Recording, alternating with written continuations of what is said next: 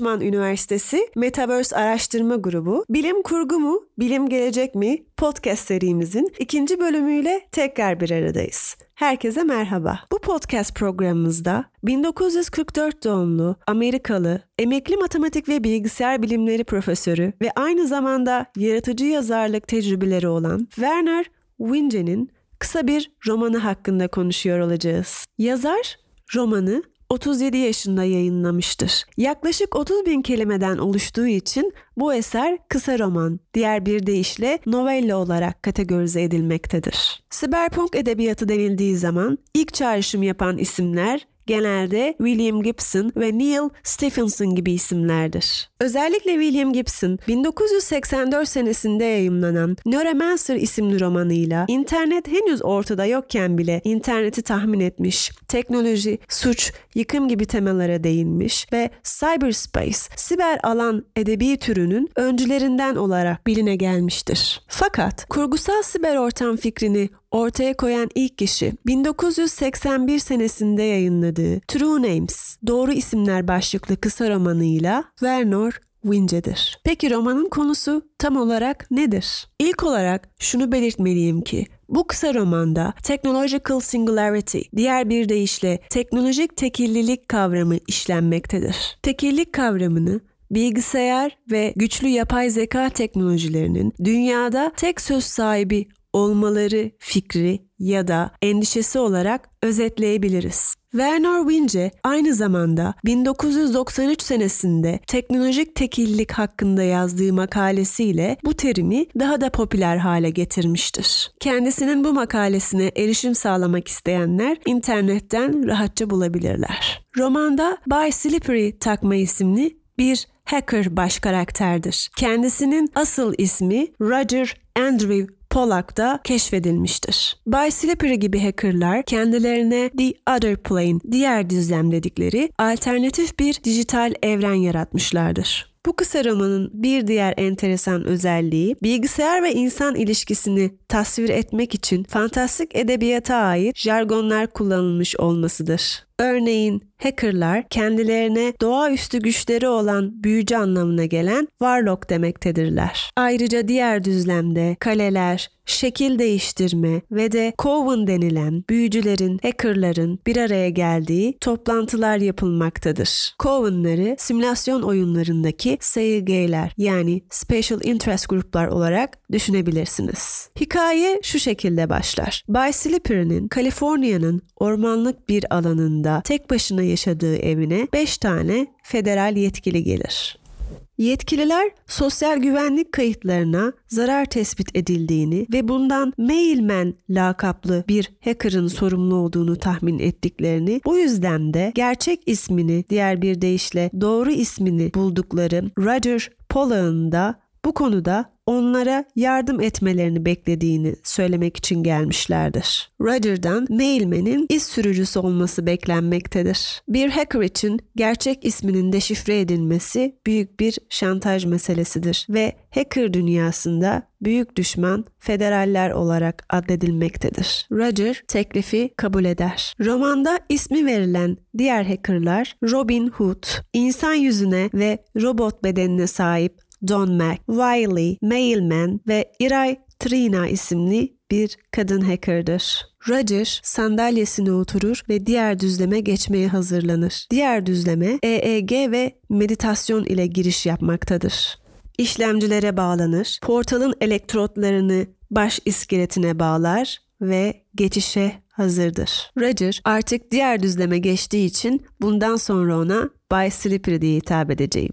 Zira diğer düzlemde doğru isimler oldukça önemli. Mesela Iray, Wiley'nin ismini öğrendiği için onu kölesi olarak kullanıyor. By Slippery ya da kendisine kısaca By Slip diye hitap edildiğini de okuruz. Diğer düzleme geçtiğinde ilk varış noktası bir kaledir. Bu kalede Coven yani onların toplandığı yer vardır. Kaleye geçmeden önce bir köprüyü aşması gerekir. Bu köprüde de Alan isimli bir personality simulator vardır. Yani kişilik simülatörü. Buradaki Alan ismi oldukça ilginçtir. Kendisinin isminin Alan Turing'den alındığını düşünmekteyiz. Sanırım Alan Turing hakkında kısa bir dipnot vermenin tam zamanı. Alan Turing 1912 ve 1954 seneleri arasında yaşamış. İngiliz matematikçi, bilgisayar bilimcisi ve bir kriptologtur. Londra doğumludur. Cambridge Üniversitesi'nde eğitim görmüştür. Ayrıca 1938 yılında aldığı bir felsefe doktora derecesi vardır. Alan Turing, Turing testiyle bilgisayarların düşünme yetisine sahip olup olmayacağı konusunda çalışmalar yapmıştır. İkinci Dünya Savaşı sırasında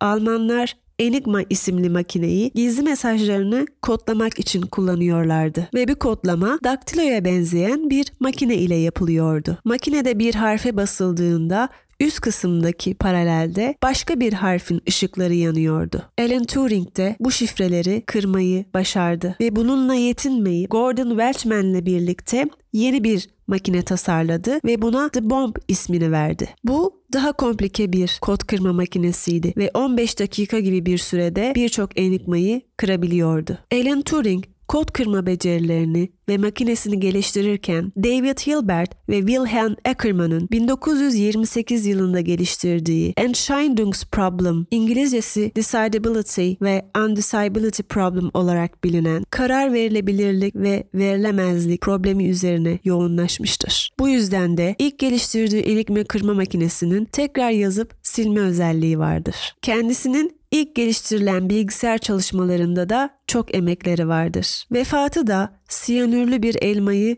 ısırmasıyla gerçekleşmiştir. Hatta Apple'ın ısırılmış elma logosunun kendine ithaf edildiği söylenmektedir. Alan Turing 1950 senesinde yayımlanan Computing Machinery and Intelligence başlıklı makalesinde şöyle söylemektedir. I propose to consider the question, can machines think? Şu soru hakkında düşünmeyi öneriyorum. Makineler düşünebilirler mi? Kısa romanımıza geri dönecek olursak, Bay Slip şekil değiştirmiş ve köpek bedenine bürünmüştür. Yanı başında onu kurbağa şeklinde takip eden federallerden Virginia vardır ve Mailman'i aramaktadırlar. Asıl dertleri Mailman'in iletişim ağını ortaya çıkarmaktır. Bu arayışta Bay Slip'e Erie'da yardım etmektedir. Bay Slip, Mailman'in bir uzaylı istilası olabileceği fikrini Virginia ile paylaşınca ya da diğer bir deyişle kurbağa ile paylaşınca ki bu fikir Erie'ye aittir. Virginia onu cezalandırır. Ceza ise Slip'in gerçek dünyaya dönmesidir. Mailman'i ilk arayış serüveni tam olarak 4 saat sürmüştür. Roger bu geri dönüşü şöyle ifade eder. Coming back was much like waking from a deep daydream. Geri dönüş adeta derin bir hayalden uyanmak gibiydi. Roger gerçek dünyaya döndüğünde bilgisayarını kontrol eder. Herhangi birinden bir mesaj gelip gelmediğine bakar ve mailman'den ona bir mesaj gelmiştir. Mailman, Bay Slip'in diğer düzlemden gizli çıkış yaptığını bilmektedir. Hatta onun peşinde olduklarını bütün detaylarıyla bilmektedir. Ardından federal yetkili Virginia'dan bir telefon gelir. Kendisi Roger'ı diğer düzlemde tekrar görmek istediğini söyler. Fakat bu sefer ona ek erişimler vereceklerdir. Bu erişimler iletişim uydularına ait erişimlerdir. Böylelikle Avrupa, Asya, Hint okyanusun üzerindeki uydular ile daha fazla bilgiye sahip olacaklardır. Bay Slip diğer düzlemde tekrar kaleyi ziyaret eder. Bu sefer kanatlı adam kılığındadır. İra ise kırmızı gözlü albino cins bir kartal. İkisi de bir göle yakın yerde dururlar ve bu gölü bir portal olarak kullanırlar. Göle dalarlar. Göle daldıklarında aslında observation moduna geçmişlerdir. Yani gözlem. Mailman'in nerede olduğunu ve kimlik bilgilerini tespit etmeye çalışırlar. Fakat bir türlü onun izine rastlayamazlar. Iray ve Bay Slip konuşurlarken hackerlardan Don Mac'in Mailman olduğu fikrini ortaya atarlar. Çünkü Don Mac Mailman'in ilk kurbanı olduğu için kimse ondan şüphe şüphelenmezdi. Bunun üzerine Iray ve Bay Slip Don Mac'in bilgileri üzerine yoğunlaşırlar. Tabii ki bunu fark eden Mailman özellikle Slip ile işbirliği yapmak ister. Sonuçta Bay Slip'in doğru ismi deşifre edildiği için her halükarda onun federal yetkililer tarafından öldürüleceğini söyler. Fakat Bay Slip ve Iray John Mac'i parçalara ayırmakta kararlıdır. Peki nasıl mı? Don McKean simülatörünün nesne kodunu keşfedip onu sıfırlarlar. Fakat Donmac'i yaratan kimse onu çok akıllıymış dedirtecek bir şey tespit ederler. Donmac'a ait birçok kopya çoğaltılmış ve bu yüzden yeni bir kopyası tekrar canlanmaktadır. Neyse ki Bayslif ve Iray, Mailman'in işlemci gücünü yok ederek insan ırkının iletişim sistemini tekrardan eski haline getirmeyi başarırlar. Fakat bunu kendi kişisel amaçları ve emelleri için de kullanabilirlerdi. Özellikle Eray bu fikre çok yatkındır. Kısa romanda şu satırlar geçmektedir. With perception came power. Almost everything he saw he could alter, destroy or enhance.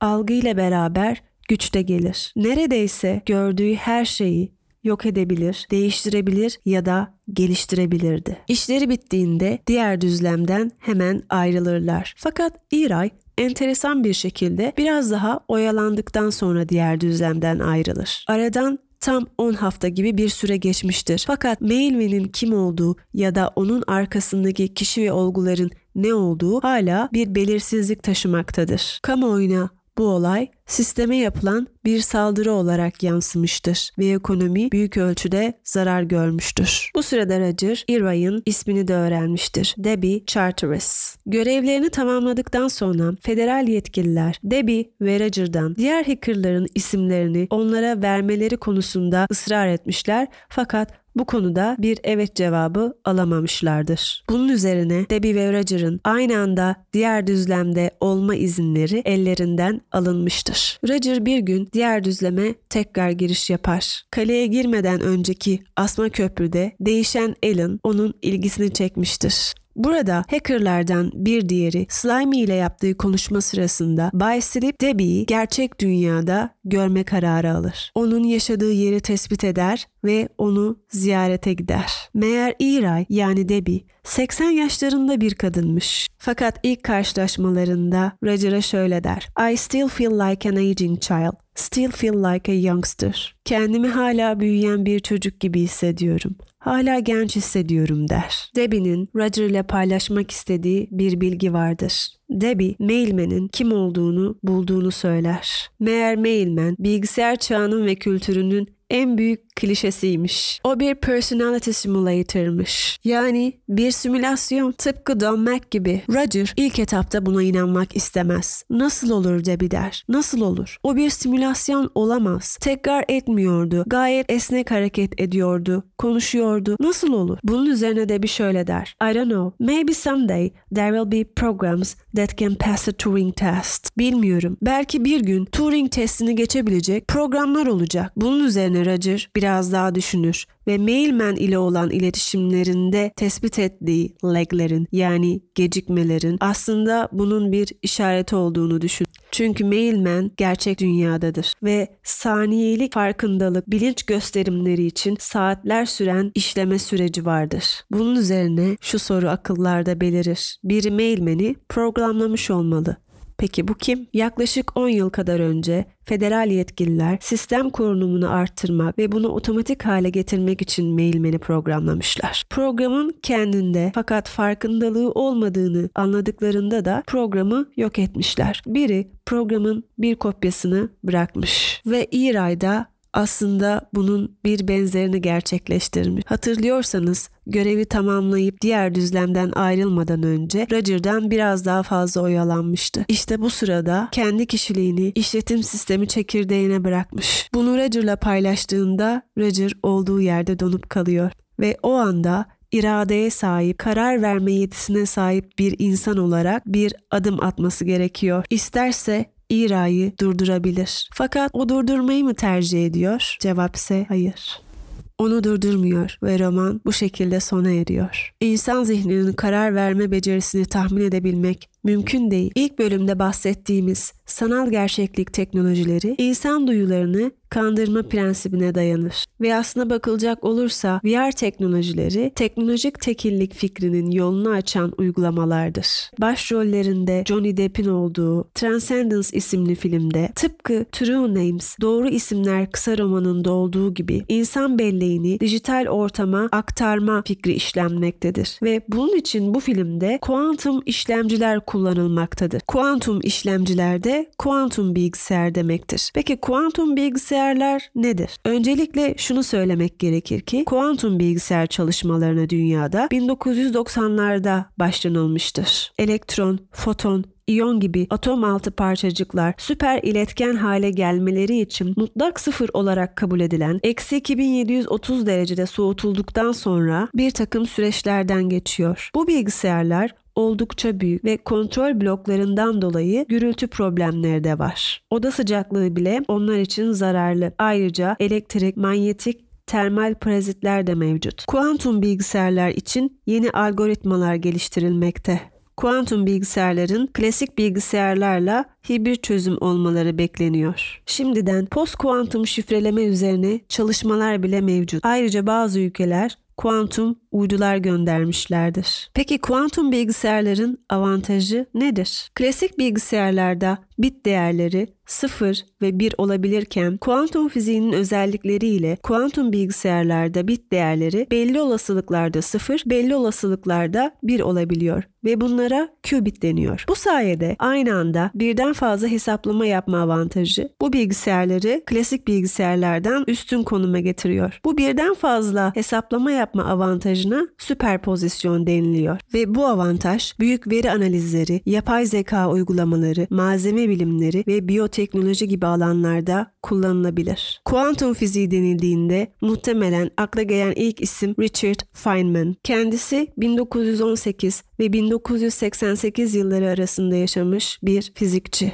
Kuantum mekaniği ve elektrodinamiği üzerine çalışmaları vardır. MIT'den lisans, Princeton'dan yüksek lisans ve doktora derecelerine sahiptir. Kendisi Nobel ödülüne de layık görülmüştür. Fakat bunun çok da büyütülecek bir şey olmadığını ifade edebilen bir kişidir. Hatta şöyle demiştir. Ben zaten ödülümü aldım. O da yeni bir şeyler keşfetmenin verdiği keyif. Eğlenceli ve farklı kişiliğiyle ödülü yaptığı iş takdir edildiği için kabul ettiğini söylemiştir. Kariyerinin ilerleyen zamanlarında nanoteknoloji, laboratuvar ortamında atom ve molekül geliştirme üzerine çalışmaları olmuştur. Richard Feynman'dan aylar önce Türk profesör Cahit Arf de düşünen makineler yapay zeka üzerine bir bildiride bulunmuştur. Cahit Arf 1963'te TÜBİTAK'ın kuruluşunda emekleri olan matematik, fizik ve felsefe üzerine çalışmaları bulunan bir hocamızdır. 1910'da Selanik doğumlu bir Balkan göçmeni ailenin çocuğudur ve 1997 senesinde vefat etmiştir. Liseyi kendi imkanlarıyla, ailesinin desteğiyle Paris'te 3 sene yerine 2 yılda bitirmiştir. Daha sonra da yine Fransa'da burslu olarak 2 sene yüksek okul okumuştur. Yurda döndüğünde matematik hocalığı yapmıştır ve doktorası için daha sonra Almanya'ya gitmiştir.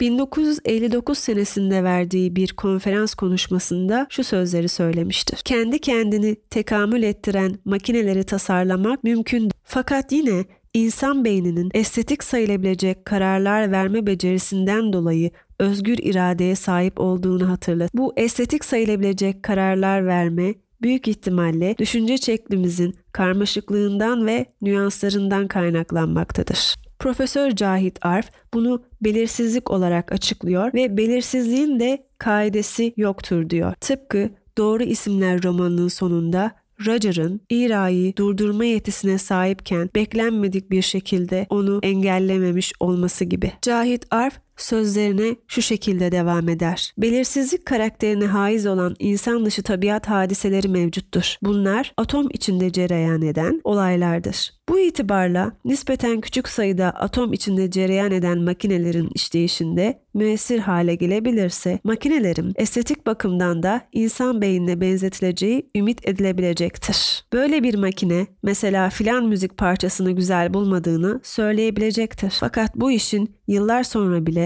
ve belki de hiçbir zaman yapılamayacağını zannediyor. Büyük ihtimal Profesör Arf bu sözleri söylerken insan beyninin hala keşfedilmeyeceğini de öngörmüş olmalıydı. Ve felsefeye de olan ilgisinden dolayı büyük ihtimal yapay zeka etiği üzerine de endişeleri olmuş olabilir. Bu konular günümüz teknolojik ve eğitim imkanları dahilinde bile hala tartışılan ve araştırılan konulardır. 1973 senesinde felsefeci Gilbert Harman kavanozdaki beyin Brain in a Vat düşünce deneyini ileri sürmüştür. Bu deneyde kablolar ile bilgisayara bağlı bir beyin vardır. Ve işin ilginç tarafı beyin kavanozda mı yoksa insan iskeletinde mi olduğunu algılayamaz. Çünkü gerçek mi, illüzyon mu bunun bile ayrımını yapamaz. Beyin için önemli olan simülasyona dahil olmasıdır. Buna ek olarak 1998 senesinde Andy Clark ve David Chalmers isimli felsefe profesörlerince ortaya atılan The Extended Mind, genişletilmiş zihin tezi de vardır. Bu teze göre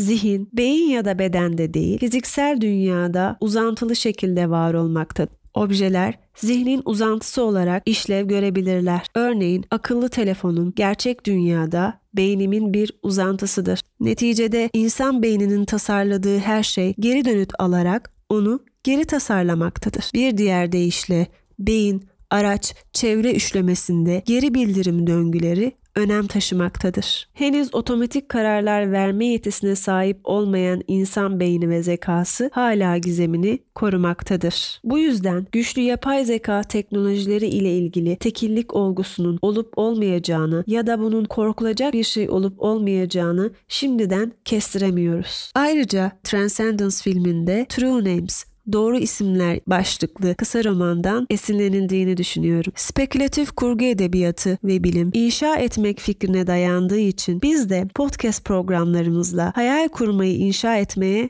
devam edeceğiz. Dinlediğiniz için teşekkür ederim. Haftaya yeni bir içerikle sizlerle görüşmek üzere. Hoşça kalın diyorum.